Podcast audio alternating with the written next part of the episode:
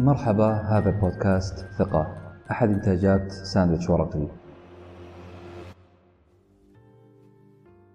بمناسبة أول حلقة في بودكاست ثقة أحب أعبر عن سعادتي الشديدة أنه أول ضيف عندنا. هو ضيف أحببته قبل أن أرى أعماله أو أقرأ أعماله أراه شخصيا أو حتى أتابع مقاطعه.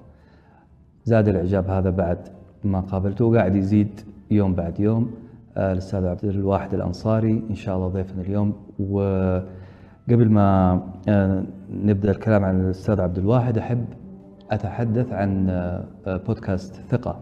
الكاتب الأمريكي مالكوم جلادويل كتب كتاب رائع اسمه Outliers.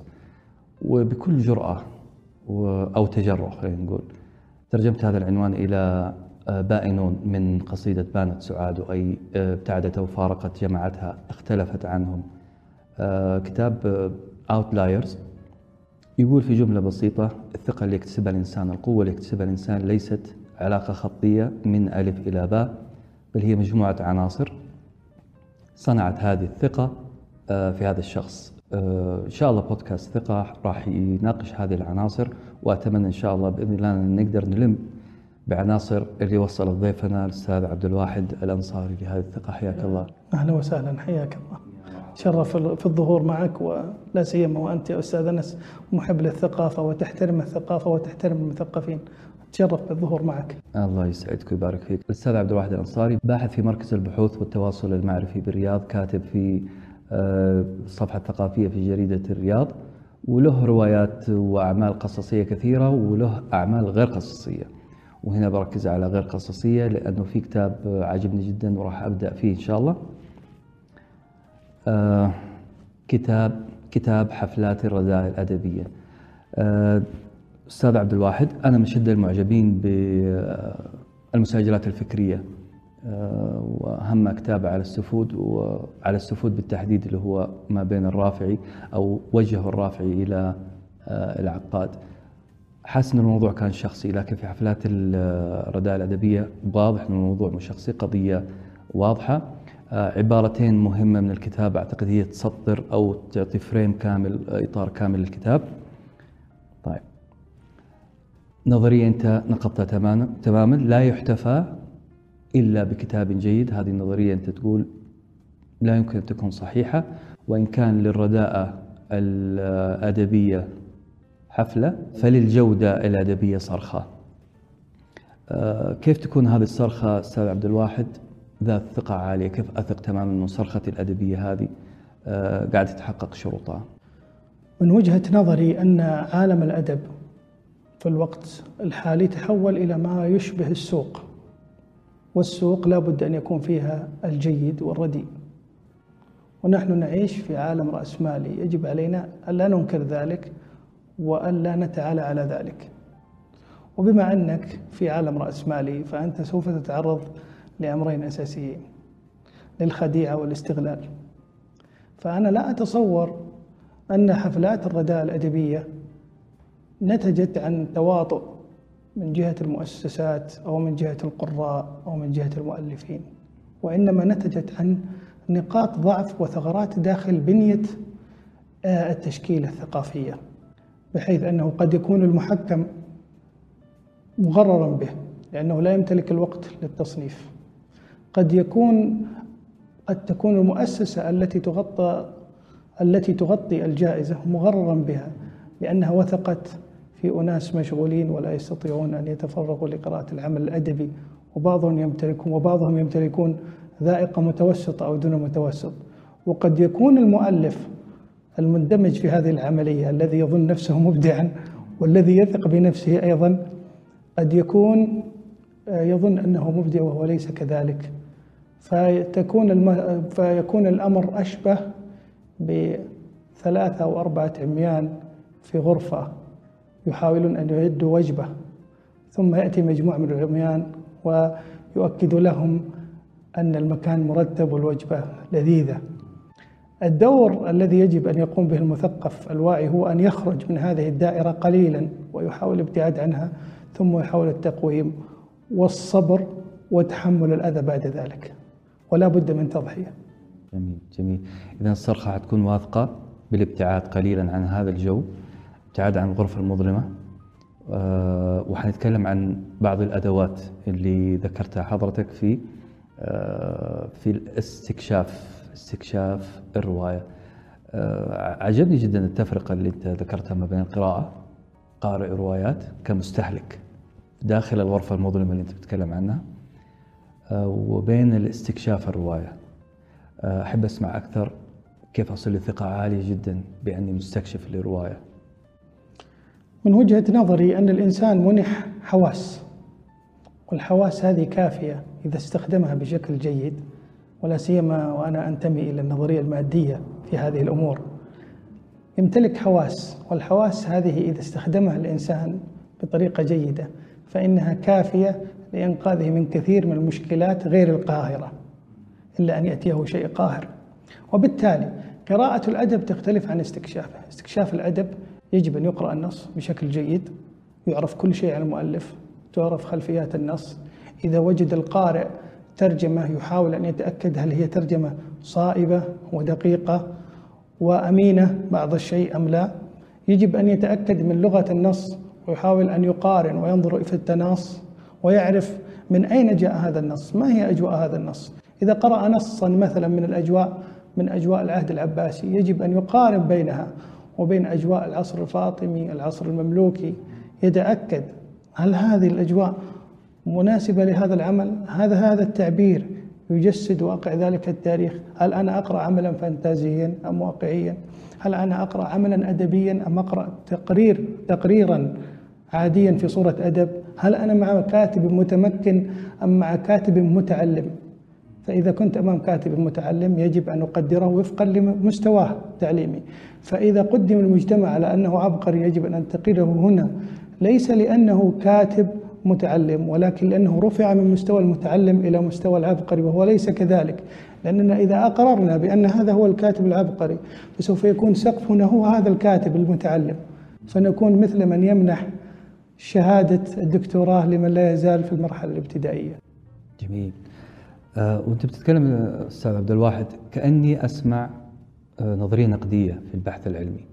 آه في نظرية نقدية في البحث العلمي اللي يسمونها critical theory الكاتب أي كاتب أي منتج عمل متهم في نواياه. هو ما كتب إلا ليقدم منفعة لفئة معينة ضد فئة معينة. فلذلك قراءة النص يجب النظر إلى الروايات على أن الطفل بريء لا هي ما فيها أي براءة فيها محتوى وهذا المحتوى له أجندة. آه، هل تشوف أنه أصل أنا كقارئ إلى مرحلة التشكيك في الرواية قبل أن أقرأها ولا أتركها آه، وأبحث في أمور أخرى بعيدة عن التشكيك في نوايا الكاتب؟ يعني هل هناك أجندات فعلا في الرواية؟ أنت ترى هذا الشيء؟ ولا هو مجرد الفن للفن كما يقال؟ أنا من وجهة نظري من وجهة نظري وهي قد تكون وجهة نظر صعبة التقبل لأنها غير جذابة ليست رشيقة وفيها نوع من القدم والإنسان عندما يقدم شيئا قديما في زمن استهلاكي يبحث عن الجديد فقط الجديد ولا صفة أخرى غير أنه جديد فهو يخاطر بأنه يقدم شيئا قد لا يقبل. فكرتي أنه لا يوجد عمل بلا محتوى بدليل خاطب أي أديب وقل له أدبك بلا محتوى. سوف يغضب. لكن عندما تقول له أدبك يتجه ويحمل الرسالة الفلانية فعندئذ يحاول أن ينكر. فهذا التناقض بين هذا التناقضين بين هذين التناقضين أو في داخل هذا التناقض يسعنا أن نتنقل. مثلا أنا أعرف أن تولستوي عاش حياته متشككا وأوشك على الانتحار. أعرف أن لديه موقفا من الكنيسة الأرثوذكسية. أعرف أنه يميل إلى احتضان الفقراء والمزارعين والكادحين وأعرف أنه تبرع بأمواله لهم.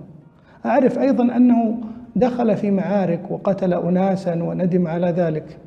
أعرف أنه عاش في وسط يعاني من الفساد والانحطاط الأخلاقي وعبر عن ذلك. فعندما أقرأ هذا في أدبه وأقرأ أدبه بوصفه أدب تولستوي بعد ما عرفت أدب تولستوي وبعدما عبر هو في يومياته وقال كتبت القصة الفلانية وأنا أقصد كذا. عندئذ لا مفر. وأنا أيضا أؤمن بأن الأيديولوجيا عندما تكون في حالة نصر تستطيع أن تتبجح وتدعي أنها للفن فقط. لكنها حالما تكون في خطر فعندئذ سوف يكون لديها موقف إيديولوجي. أقرب مثال على ذلك هذه الحرب الأوكرانية. الحرب الأوكرانية بمجرد أن اندلعت أصبح الأوكرانيون يزيلون تماثيل مبدعين روس من الساحات العامة. تمثال غوركي تم اقتلاعه قبل أيام. اقتلع من أصوله ورمي في الشارع. عندما يتحدث مثلا مفكر مثل ألكسندر دوغين في حوار بينه وبين فوكوياما مفكر كبير مفكر نهاية التاريخ صاحب نظرية نهاية التاريخ في برنامج على قناة كندية ويقول ألكسندر دوغين هذا ما قاله تولستوي هذا ما قاله دوستويفسكي هذا ما قاله جوجول هؤلاء هم أدباؤنا. عندما نقرأ مذكرات برتراند رسل هذا الفيلسوف الإنجليزي عالم الرياضيات ويقول وهو يتحدث عن بعض الكتاب والروائيين الذين ينحدرون من أصل أوكراني مثل جوزيف كونراد ويقول هذا الرجل يعجبني فيه أنه يحب إنجلترا رغم أنه من أصل أوكراني. يعجبني فيه أنه يكره روسيا وأنا أتفق معه على ذلك. هذا الرجل يحب الأدب ولكنه لا يحب تولستوي ولا دوستويفسكي من هذه الإشارات ينطلق سؤال لماذا هذا يحب؟ آه لماذا هذا المفكر يحب جوزيف كونراد؟ لماذا سمى ابنه؟ سمى مفكر مثل أو فيلسوف مثل برتراند سمى ابنه كونراد. لأنه يمثل له ذلك الأوروبي الشرقي المهاجر إلى الثقافة الإنجليزية التي لا تعد ثقافة قارية ولا تعد ثقافة أمريكية ولا تعد ثقافة ألمانية. هذا يحتفي بهذا الرجل الذي نبذ لغته الأصلية ودخل إلى اللغة الإنجليزية واعتنقها وكره الأدباء الرموز في بلاده وهو متحامل مع ما يمثله الغرب الكاثوليكي ضد ما يمثله الشرق الأرثوذكسي. هكذا يتضح لنا عندما نقرأ الأدب دون خلفياته نكون مثل من لا ينظر إلى اللوحة بمجملها مثل من ينظر إلى نقطة واحدة في اللوحة. هذه النقطة صحيح إنها موجودة صحيح أنها زرقاء أو خضراء لكن عندما لا ينظر الإنسان إلى بقية اللوحة فإنه إنما رأى النقطة ولم يرى اللوحة بكاملها.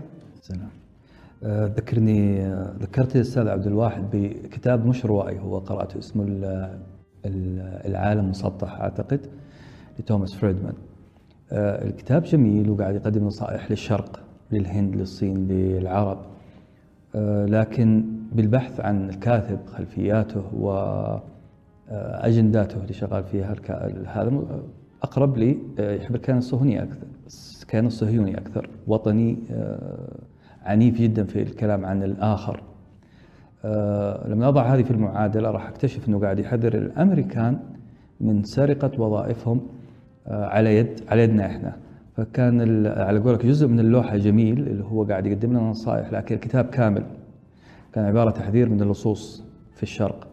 الصورة كاملة وعلى طاري العالم مسطح أو كأنه ملعب أتذكر لك كلام جميل جدا عن النخل نخل الأدب فرز بنتكلم عن نشر كبير جدا حاصل الآن عندنا في السعودية بالتحديد في العالم العربي للروايات. وأعتقد لك نظرية جميلة اللي هي النخل نخل أو محاولة تصفية الرواية الجيدة والسيئة. وشبهت اللي هي مرة في حوار قصير جدا وإلى يومك هذا وأنا أتذكر التشبيه هذا الملعب. الملعب آمن بيئة ممكن تبدع فيها.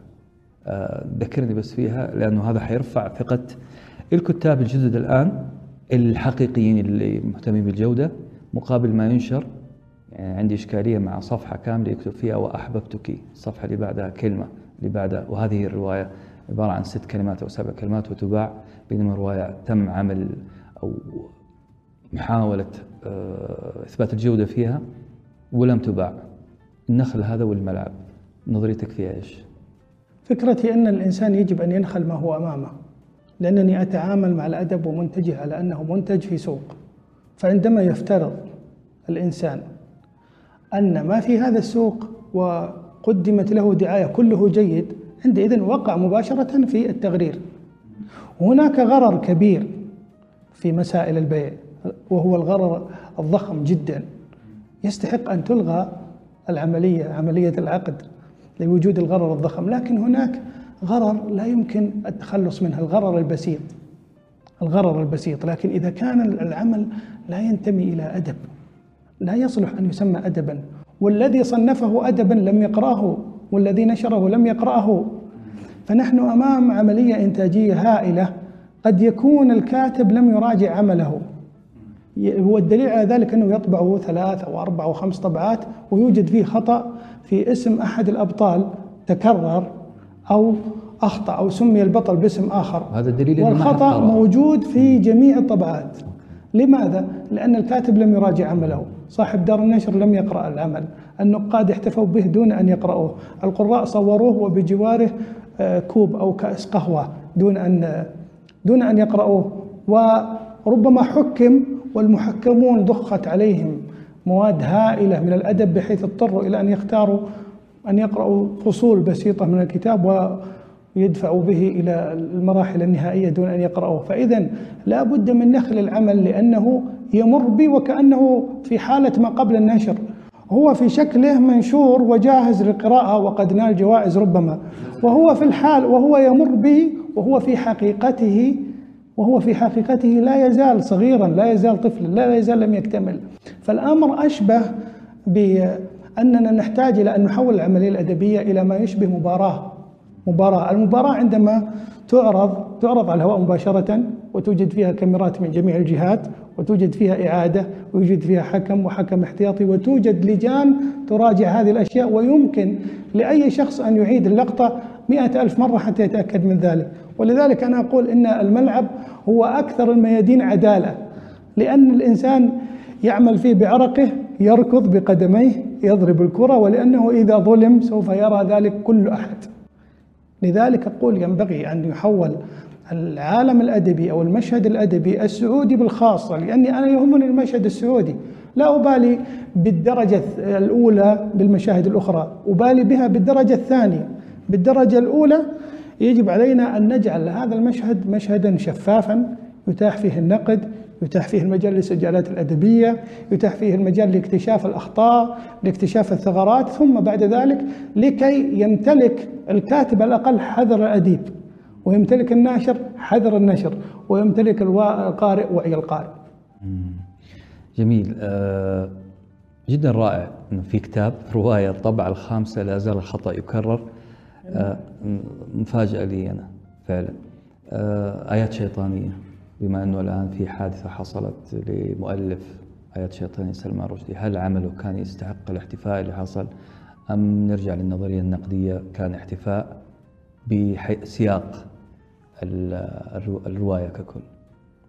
ميلان كونديرا لديه كتاب اسمه الوصايا المغدورة وترجم أيضا إلى خيانة الوصايا. ميلان كونديرا وهو من أعتى قراء الرواية ويعتبر مدرسة في الرواية ومنظرا في الرواية. له كتب في فن الرواية وفي طريقة كتاب الرواية كتابة الرواية وهو يكتب الرواية بصيغة استثنائية وفريدة. ويعتبر من القراء المنظرين في القراءة. إذا قرأت له مراجعة فكأنك تقرأ لفيلسوف روائي يقول إن آيات شيطانية ظلمت من الجميع ظلمت من خصومها وظلمت من أنصارها. لأن أنصارها يقولون نحن مع الحرية نحن يقفون مع آيات شيطانية مثل ما يقف بعض الليبراليين الغربيين واليساريين الغربيين مع الكاريكاتيرات المسيئة إلى الإسلام وإلى النبي الكريم عليه الصلاة والسلام. فيقول الذين أيدوا سلمان رشدي لم يقرأوا الرواية لأنهم كانوا منطلقين من فكرة مسبقة. وهي حرية الرأي فليقل ما شاء نحن لا يهمنا نحن نشتم أباءنا وأمهاتنا وأمهاتنا ونكتب ذكرياتنا ونشتم صلباننا ونسخر صلباننا ونسخر بكنيستنا. وبالتالي لماذا تغضبون إذا تحدثنا عن ديانتكم وعن شخصياتكم المقدسة لديكم؟ إن كانت مقدسة لديكم فالأمر لا يعنينا. فهؤلاء الذين نصروه لم يقرأوا عمله حتى الأدباء والمثقفين والنقاد منهم.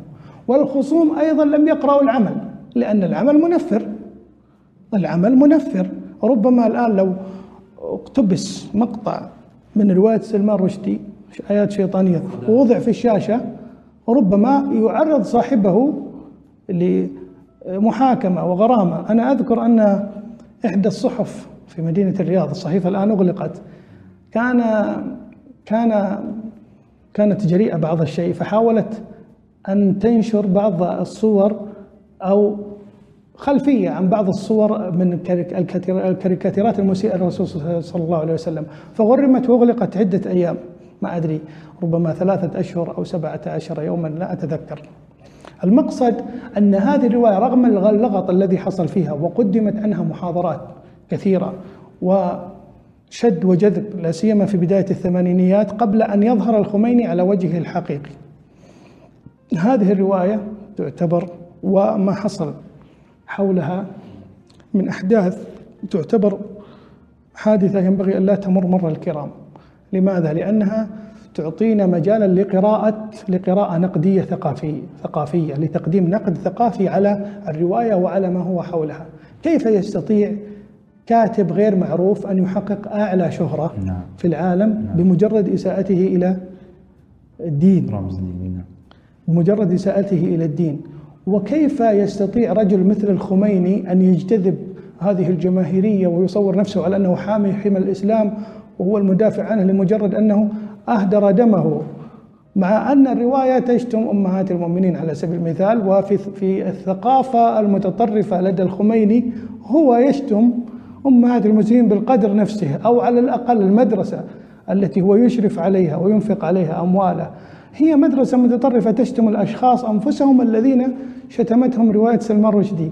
وكيف يستطيع الغرب أن يثير أعصاب المسلمين ويقدم لهم كل هذا النوع من الدروس المستفد المستفزة في شكل ناعم نحن مع الحرية. فالرواية بغض النظر عن مستواها الأدبي. لم تقرأ ولم تقدم عليها قراءة. لا أذكر أن ثمة من قرأها ونقدها بشكل جيد ولو على مستوى ثقافي عادي ليس على مستوى أدبي إلا أشخاص قليلين ومنهم على سبيل المثال أحمد ديدات الجنوب أفريقي. أراد أن يقدم قراءة ثقافية آه، عن هذه الرواية من خلال محاضرة ألقاها في إحدى المناسبات وقدمها للغربيين وقال لهم إن هذه الرواية تسخر أيضا بكم لم تسخر بالمسلمين فقط. إنها سخرت بكم وبثقافتكم وبحضارتكم. فلا تظنوا أن سلمان رشدي مهاجر من الثقافة الشرقية إلى الثقافة الغربية. سلمان رشدي رجل كما يقول ديدات رجل عابث عبث بالثقافتين وأنتم أردتم أن تغلقوا العين اليمنى وفتحتم العين اليسرى فقط. أستاذ عبد الواحد لي ست سنوات أنا أقاتل في ساحة في ساحة صغيرة تراك صغير جدا. مفاده أنه الرواية ليست عالم فقط آه، آه، مضيعة للوقت قراءته بل هو عالم آه، زي ما قلنا يمثل أجندات حراك ثقافي إلى الآن فيه أصوات كثيرة تتعالى وآخرها تغريدة كتبتها أنا في تويتر بسأل الناس عن الروايات ما هي شروط اقتناءكم للرواية؟ فوجدت بعض الأصوات لا زالت تتحدث عن أنه هذا ضياع للوقت. الروايات كلام فاضي. آه، أباك ترفع من ثقة معلش بعد إذنك ترفع من ثقة قراء الروايات الحقيقيين آه، للرد على آه، ادعاء مثل هذا. رغم أنه لهم حق أنهم يقولون لكن أنا حاولت أقول أنه والله هو توثيق لكن قارئ وصاحب رؤية نقدية مثلك أكيد عنده جواب أقوى وأسخن لهذا الجدل الدائر في تويتر. والله المشكلة أن هذه النظرية ليست فقط أن هذه المقولة ليست مقولة عامية فقط. هي مقولة أيضا لدى بعض الفلاسفة. بعض الفلاسفة لا يحترمون الرواية. بعض الأسماء المشهورة فلسفيا في المملكة تهاجم الرواية وعقدت مناظرة بعضهم عقد مناظرة. شخص متخصص في الفلسفة قد يكون أشهر واحد في المملكة في الفلسفة. لا أحب أن أذكر اسمه حتى لا يكون سجالا. بيني وبينه مع احترامي الشديد له أنا أحييه من وراء هذا هذه الجلسة. وهذه ليست غيبة لأننا تحدثنا ولم نعين. هو يرى أن الرواية أو القصة مضيعة للوقت نفس الشيء. لكن لأنه هايدجري يقدس الشعر أيضا حتى لو كان غامضا ومعمى لأنه ينتمي إلى مدرسة هايدجر في هذه النقطة بالذات. عنده الشعر جميل. عنده الشعر جميل. لأنه لأن هايدجر قدم قدم له جمال الشعر في قالب فلسفي. فيبدو لم يقنعه لوكاش فيلسوف الرواية. على كل حال الفكرة أنا دائما كنت أغرد رغم أني أنا عشت مع الرواية الآن ما يعادل ربع قرن. يعني لا يغركم شكل الشعر مررت بالحلاق قبل أن آتي. فإلى هنا. ف أنا أغرد دائما أقول من لا يقرأ إلا الرواية فليس مثقفا. هذا حديثي.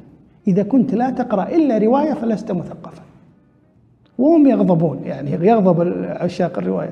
لكن المشكلة أنهم عندما يحتاجون إلى الدفاع عن الرواية يأتون بي. فالمقصد الرواية الغرب الآن يقرؤونها للتسلية فعلا. كثير من الغربيين يقرأها للتسلية. ونحن مولعون دائما تبع لنظرية ابن خلدون بتقليد الغرب. الغربي إذا لم يجد وقتا قرأ رواية وكانت قراءة المسلسلات القديمة الروائية منذ القرن الخامس عشر والسادس عشر وتحديدا في السادس عشر ثم السابع عشر كان مثل مشاهدة المسلسلات الدرامية. القراءة كانت مثل المسلسلات. لأنهم ليس لديهم شيء وبعضهم من طبقة عليا. فإما أن تشتغل في الغزل والصوف وإما أن تقرأ رواية. فكثير من المث... كثير من العوام في المجتمع الغربي يقرؤون الرواية لأنه ليس لديهم اهتمام ثقافي ولا معرفي فبالتالي يقرأ الرواية. المشكلة نحن لدينا ما هي؟ المشكلة لدينا أن المثقف لدينا أحيانا لا يقرأ إلا رواية. طيب الرواية هي منتج ثقافي.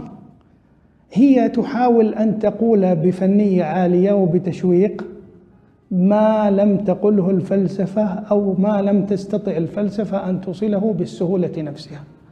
لذلك الرواية ضخمة مثل الكتاب الفلسفي. لكن فيها أحداث. ومصوغة بشكل فني.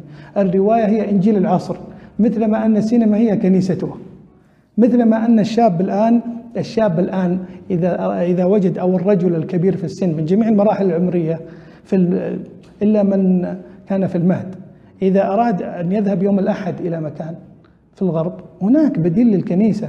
في ذاكرتهم الجمعية أنه يوم الأحد يجب أن أذهب إلى مكان أتلقى فيه إرشادا. أعرف كيف ألبس؟ أعرف كيف أتحدث أعرف كيف آكل أعرف كيف أتعامل مع الرجل ومع المرأة أعرف ما السلوك الذي يمكن أن يقدم لي من خلال القصص. ماذا يصنع القسيس؟ يحكي قصة الواعظ يحكي قصة. فيذهب إلى السينما يوم الأحد ليتلقى هذا الجو الكنسي. وكذلك نحن لدينا الآن أصبحت في الغرب الرواية بدلا من الإنجيل. يقرأه المتخصص وغير المتخصص. لم يعد الإنسان إذا شعر بوقت الفراغ يضع العوينات الدائرية القديمة ويقرأ في الإنجيل أصبح يقرأ في الرواية. أنا الذي أريده من المثقفين العرب أن يرقوا عن هذا المستوى. أريد أن يقرأ الرواية بخلفياتها وبرسائلها وبمحتواها وبما يوجد فيها باطلا وأن يقرأ معها حتى يعرف كيف وصل إلى الوضع إلى ما هو عليه الآن. لماذا هو الآن في هذه المنطقة في هذه الجزيرة العربية في ديار هوازن وثقيف نحن في الطائف. ولماذا هو في هذه اللحظة؟ ها ويقرأ عملا أوروبيا آه، غربيا ترجمه مغربي أو عملا يابانيا ترجمه تونسي. يفكر. ولماذا هو الآن يقرأ هذه الشخصيات؟ ولماذا هو يشعر بالمتعة؟ بهذه الطريقة سوف يتلقى الثقافة الغربية ويستطيع التعامل معها يستطيع عندئذ التعامل مع كتاب الفكر ومع كتاب الرواية ومع كتاب التاريخ ومع كتاب السياسة ومع الخبر الذي يعرض أمامه على شاشة الفضائية. يوميا نفاجأ بطرح أو خلينا نقول جنس أدبي جديد في العالم الغربي. أبى أذكر أمثلة مثلا ال flash fiction اللي هي القصة الومضية. شعر الهايكو اللي بيكتبونه في المدارس الابتدائية في في في أمريكا مثلا. ال aphorism شعر أو أسطر الحكمة. ال aphorism أسطر الحكمة التي تبدأ بأداة شرط. في توليد أجناس أدبية جديدة باستمرار إحنا لما بنجدد؟ والله الإشكالية أننا نحن لا نثق بأنفسنا ولا بثقافتنا ولا بمختزننا.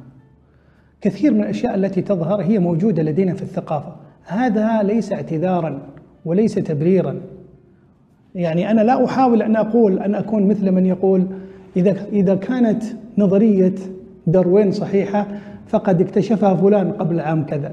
إذا كانت نظرية الطيران صحيحة فقد اكتشفها عباس بن فرناس من قبل. لا أحب أن أكون من هذا النوع من الناس الذين يحاولون أن يستنجدوا بالماضي لأجل أن يبرروا فشلهم في الحاضر لأنه يقال أن التاجر إذا أفلس رجع إلى إلى سجلاته القديمة. إذا لم يكن لديه ما يعمل فيرجع إلى سجلاته القديمة لأنه متعود على الكتابة. ولكن أحب أن أقول في الحقيقة أن هذا النوع من الأدب موجود حتى إن على سبيل المثال نوع أدب الإفريزم أو إفريزم هذا موجود في العالم العربي موجود في التاريخ العربي من الجاهلية. كان زهير بن أبي سلمى يلقب في صدر الإسلام بشاعر من ومن؟ من يعني إف؟ ومن لم يصانع في, في أمور كثيرة يضر بأنياب ويوطى بمنسم ومن لم يذد عن حوضه بسلاحه يهدم ومن لا يتقي الشتم يشتمي. وأيضا إذا موجودة في الشعر إذا أنت لم تشرب مرارا على القذى ظمئت وأي الناس تصفو مشاربه؟ ترجمها. انظر كيف ستظهر في اللغة التي تظهر فيها أبيات الإفريزم. إذا كنت في كل الأمور معاتبا صديقك لم تلق الذي لا تعاتبه. فعش واحدا أو صل أخاك فإنه مقارف ذنب مرة ومجانبه. أيضا في شاعر من أساتذتي يقول إذا الشعر لم يهززك عند سماعه فأولى به أحضان بعض الخرائب. إذا الشعر لم يهززك عند سماعه فأولى به أحضان بعض الخرائب. المشكلة أن منتج أن منتجنا آه، لا يطرب كزامر الحي. لا يطرب لذلك نحن لا نحتفي به. الغرب يبحث عن أي شيء جديد يظهره ويحتفي به ثم يدع للتاريخ الحكم عليه. يضعه في درج فإن شاء التاريخ أبقاه في العلالي وإن شاء أبقاه في درجه. نحن عندنا لا بد أن نطأ على الإبداع حتى يحرق أرجلنا ونضطر إلى رفع أرجلنا عنه من حرارة الجمر. هكذا حصل مع المتنبي. المتنبي أكثر شاعر تعرض لخصوم من الشعراء ومن النقاد ومن المؤرخين. حاولوا أن يدفنوه حاولوا أن يأيدوه ولا يزال في مهده ثم قتلوه قتلا ماديا صفوه جسديا بأن أثاروا بينه وبين بعض القبائل الشحناء حتى قتل. وبعدما قتل أغلب الكتب ومعظمها التي كتبت كانت في ماذا؟ في عيب المتنبي. وسرقات المتنبي ومزالق المتنبي هكذا. كل الكتب إن لم يكن آه، آه، جل الكتب إن لم يكن كلها. إلى درجة أن الشريف الرضي وهو من آه، من أكثر المبدعين في زمانه من, من إبداعا شاعر عباسي من أهل البيت تقريبا يعني. يقول يقال إن أبا العلاء المعري طبعا أبا العلاء المعري جاء بعد المتنبي. فقال شعر المتنبي فيه وفيه وفيه. فقال أبو العلاء المعري لو لم يكن له إلا قصيدته التي قال فيها لك يا منازل في القلوب منازل لكفى فجره الشريف الرضي أبو العلاء المعري هذا شيخ المعرة وألقى به في الخارج وقال أتعرفون ماذا يقصد؟ هو يقصد بيت المتنبي وإذا أتتك مذمتي من ناقص فهي الشهادة لي بأني كامل. إذا هو يحفظ القصيدة ويعرف الأبيات المؤثرة فيها ويعرف أبيات الحكمة فيها. وشعر الحكمة غني جدا ذو غنى شديد. اللغة العربية أو الثقافة العربية غنية جدا بشعر الحكمة. من من شعراء الحكمة المبرزين في زمننا شبه المعاصر أحمد شوقي. أحمد شوقي هو الذي يقول وما نيل المطالب بالتمني ولكن تؤخذ الدنيا غلابة.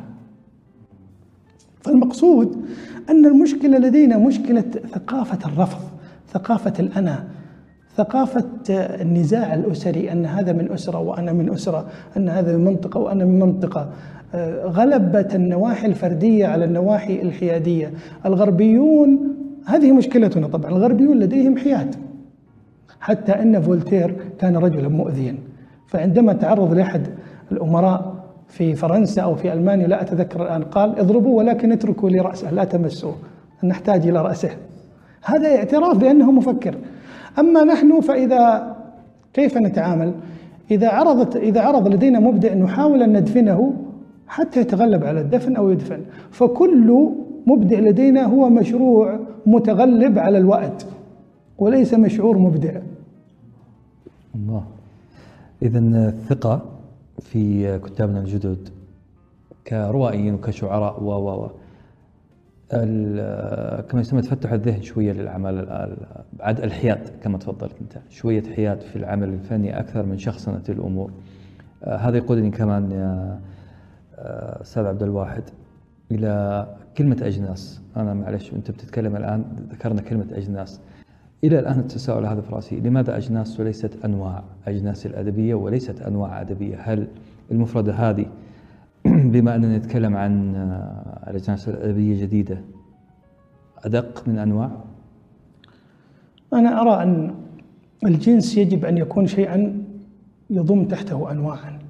فإذا خرج معنا الأدب الوجيز أدب وجيز مثلا أدب نثري وجيز هذا أعتقد أنه جنس. ندخل تحته الشذرة والومضة والتوقيعة وشعر الحكمة الذي يظهر في عبارة إذا. هذه هذا هو تصوري. على الطريقة الأرسطية القديمة وإن كنت أنا لست أرسطيا جنس وفصل. وكذلك أنا عندما أقرأ مثلا ما يسمى أدب الحروب هذا تجنيس ولكنه تجنيس موضوعي. نحن هنا نتحدث عن موضوع وليس عن جنس أدبي هو الأدب الذي يتحدث عن الحروب. طيب الأدب الذي يتحدث عن الحروب قد يكون رواية هذا جنس. قد يكون شعرا هذا جنس. قد يكون سيرة ذاتية هذا جنس. فأنا لا أميل إلى تصنيف الأجناس ولا الأنواع حسب موضوعاتها. الموضوعات تصنف تحت الموضوعات. هذا أدب حروب؟ هذا أدب آه، طفل؟ يخاطب الطفل. نعم. يخاطب الطفل. هذا أدب سجون هذا أدب هكذا. أما أجناس الأدب فهو جنس شعري أو نثري تندرج تحته أنواع مختلفة. هذه هي طريقتي في الفهم. طيب الأدب العربي أنا من وجهة نظري لا يحتاج إلى ظهور أجناس جديدة فيه لأن العرب متفننون في استهلاك أي جنس أدبي حتى إتلافه حتى يصبح مملا ومطروحا في السوق ومنتجا بأكثر مما يحتاج إليه المرء. وهذا يذكرني بإحدى الروايات وهي رواية القوقعة. القوقعة رواية كتبت باسم مصطفى خليفة وأنا رأيت شهدت شاهدت حلقات يعني حوارية لمؤلفها. يوجد مقطع مشهد في هذه الرواية غريب. وهو أن المساجين في في فترة نظام حافظ الأسد كانوا يعذبون تعذيبا شديدا وكان ينكل بهم. يقول في فترة من الفترات عانوا من فقدان الخبز والأكل حتى جاءوا يتضورون جوعا. ثم لما اشتكوا من المسألة وقالوا إننا إذا متنا جوعا فسوف لن يبقى معكم معتقلون. سوف يفرغ المعتقل. فاكتشف السجانون أنهم يجب أن يطعموهم فأرادوا أن يعذبوهم من خلال الإطعام. فأصبحوا يكثفون عليهم الخبز الخبز الخبز. حتى أصبحوا يجلسون ويبيتون وينامون على أرتال من الخبز. وحتى أصبح الخبز المتعفن لا يستطيعون أن يتحركوا لا يستطيع الواحد منهم أن يمشي. وصار الوقوف صعبا جدا. فأنا أخشى أن أننا أن نشكو أن نشكو من ندرة الأدب ندرة الأجناس الأدبية فيتم إغراقنا بالأجناس على نحو تعذيبي. لأن لدينا ثقافة استهلاكية. كلما ظهر شيء جديد أحببنا أن ننخرط فيه ونندمج فيه حتى يفقد طعمه. وهذا يحصل في جميع أنماط الحياة. لو قرأت مثلا على سبيل المثال لو قرأت ما يسمى ما يسمى خلينا نقول عندما أنا عقلت كان ثمة ما يسمى قنص الجرابيع فأصبح عندما أصبحت هذه فكرة منتشرة أصبح كل شخص يبحث عن سيارة بصحن غمارة لكي يذهب ويقتنص الجرابيع والضباب ما يقال له الضبان. زين؟ وأصبح كل شخص معه سيارة ذات شكمان طويل ذات عادم طويل حتى أصبحت أصبح الإنسان الذي يعشق هذا الصيد مل منه لأن الكل الكل عندما دخل الناس فيما يسمى السياقة فنون السياقة الرملية أو الرالية وهكذا أصبح الكل أبطالا في في هذا المجال. وعندما وجد ما يسمى الكمأة البحث عن الكمأة أو الفقع ما يسمى الفقع الكل أصبحوا يبحثون عنه حتى أتلف الفقع وحتى مل الناس من الفكرة فكذلك حصل لدينا في مثل ما يحصل في العالم المادي. طبعا أنا كما قلت لك أنا شخص مادي. الأدب هو انعكاس عما يحصل في الحياة المادية. في العالم المادي يحصل هذا وفي العالم الثقافي يحصل هذا. الكل أصبحوا شعراء قصاصا في السبعينيات. ثم الكل أصبحوا شعراء تفعيلة. ثم فجأة الكل أصبحوا شعراء قصيدة شعراء قصيدة عامية مع مجلة المختلف والمجلات هذه المختلفة. الكل أصبحوا شعراء شعبيين ويكتبون الأغاني. ثم فجأة الكل أصبحوا روائيين. نفس الطائفة الأولى هي التي تحولت من آه، كتاب قصة إلى كتاب شعر تفعيلة وأصبحوا شعراء شابين ثم أصبحوا روائيين والآن يتحولون إلى محللين سياسيين وخبراء في الجماعات الإسلامية.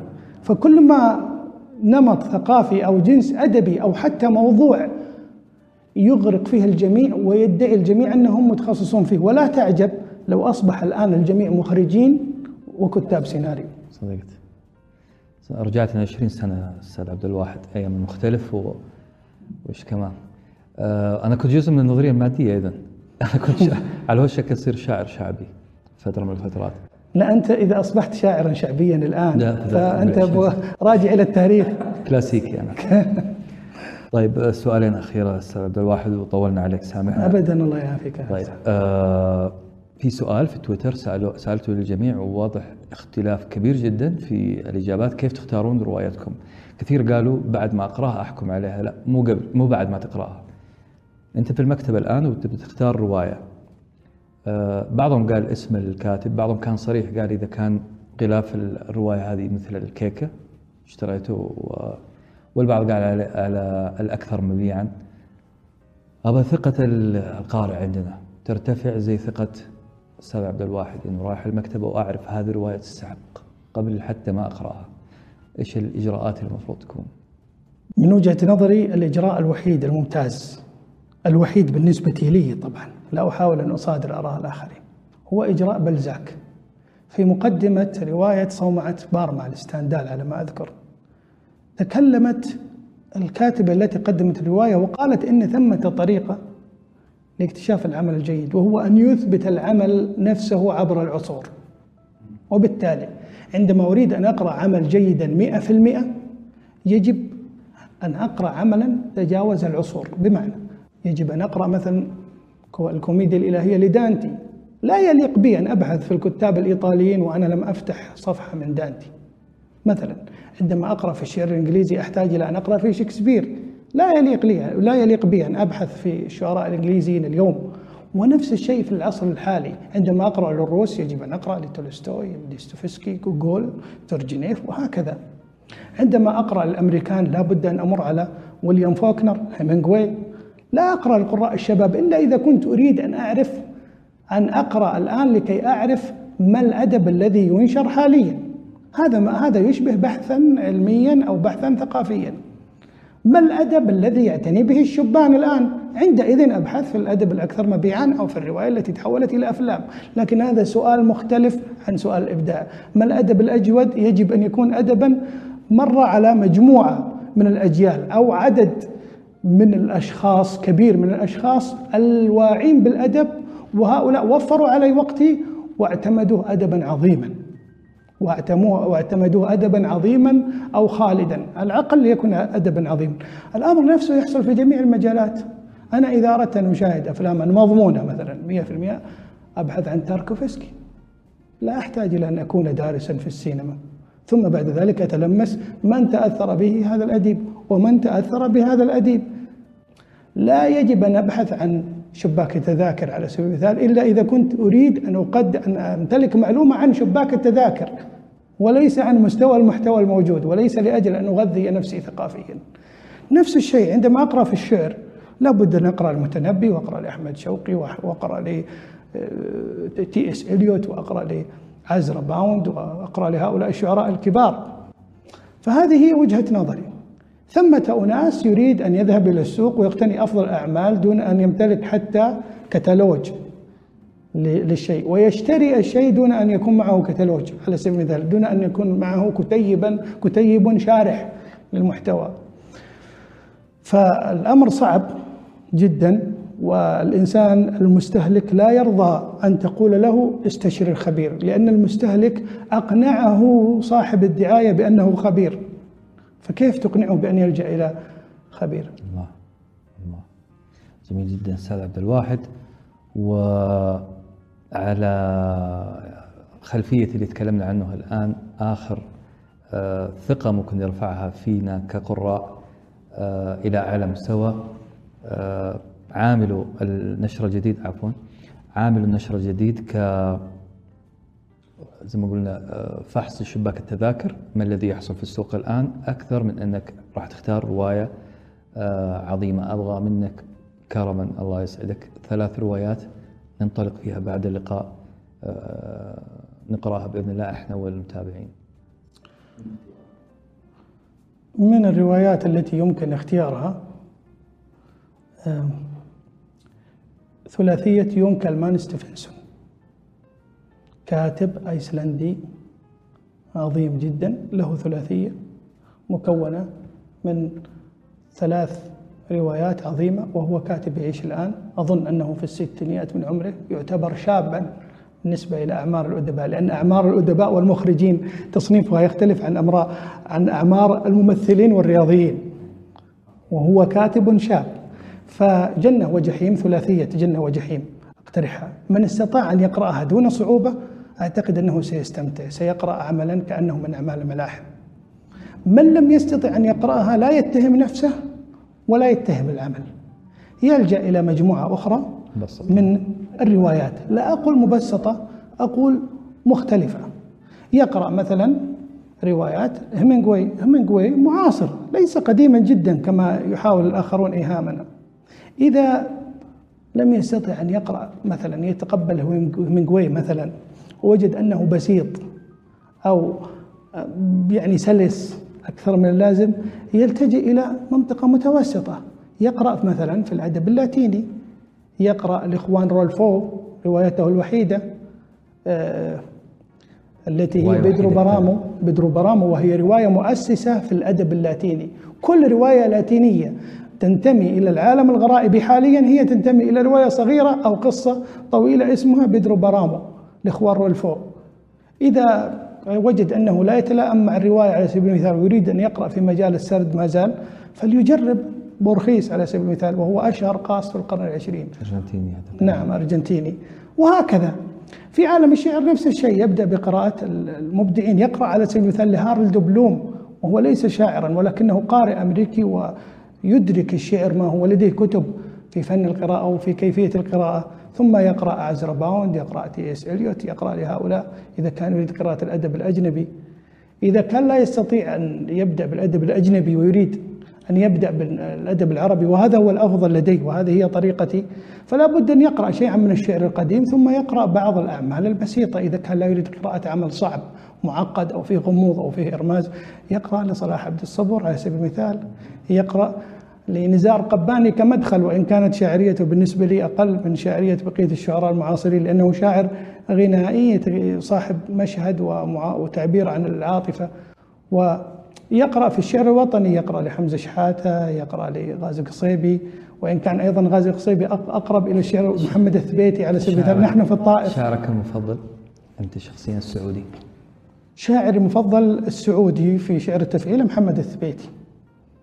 ليس لأني في الطائف ولكنه لأنه كاتب استطاع أن يمارس الح- الحداثة بأدوات أصيلة. ليس بأدوات مستعارة ولا مستوردة. جميل جدا. شكرا أستاذ عبد الواحد. وكل ثقة أني راح أكون أكثر ثقة في قراءاتي القادمة بعد اللقاء الجميل هذا. شكرا سلمك الله. شكراً. وأنا في النهاية قارئ. يكتب ويتحدث. هذا السؤال ما رضيت أسأله. ليش قارئ من أنت ناقد لكن إن شاء الله بإذن قارئ الله- يكتب ويتحدث. الله يشفيك. وبالتالي الصحة القراء. إن شاء الله وتتحدث لنا دائما وتكتب لنا دائما. شكرا لك. الله. أهلا وسهلا. يا مرحبا. شكرا لك. أصدقائنا المشاهدين والمشاهدات أتمنى إن شاء الله أن رفعنا مستوى الثقة. أنا عني ارتفع مستوى الثقة جدا في بودكاست ثقة آه، في هذا اللقاء الجميل مع آه، الشخصية اللي كل يوم يزيد إعجابي فيها الأستاذ عبد الواحد الأنصاري. إن شاء الله نشوفكم في الحلقة القادمة. دمتم في رعاية الله وفي أمان.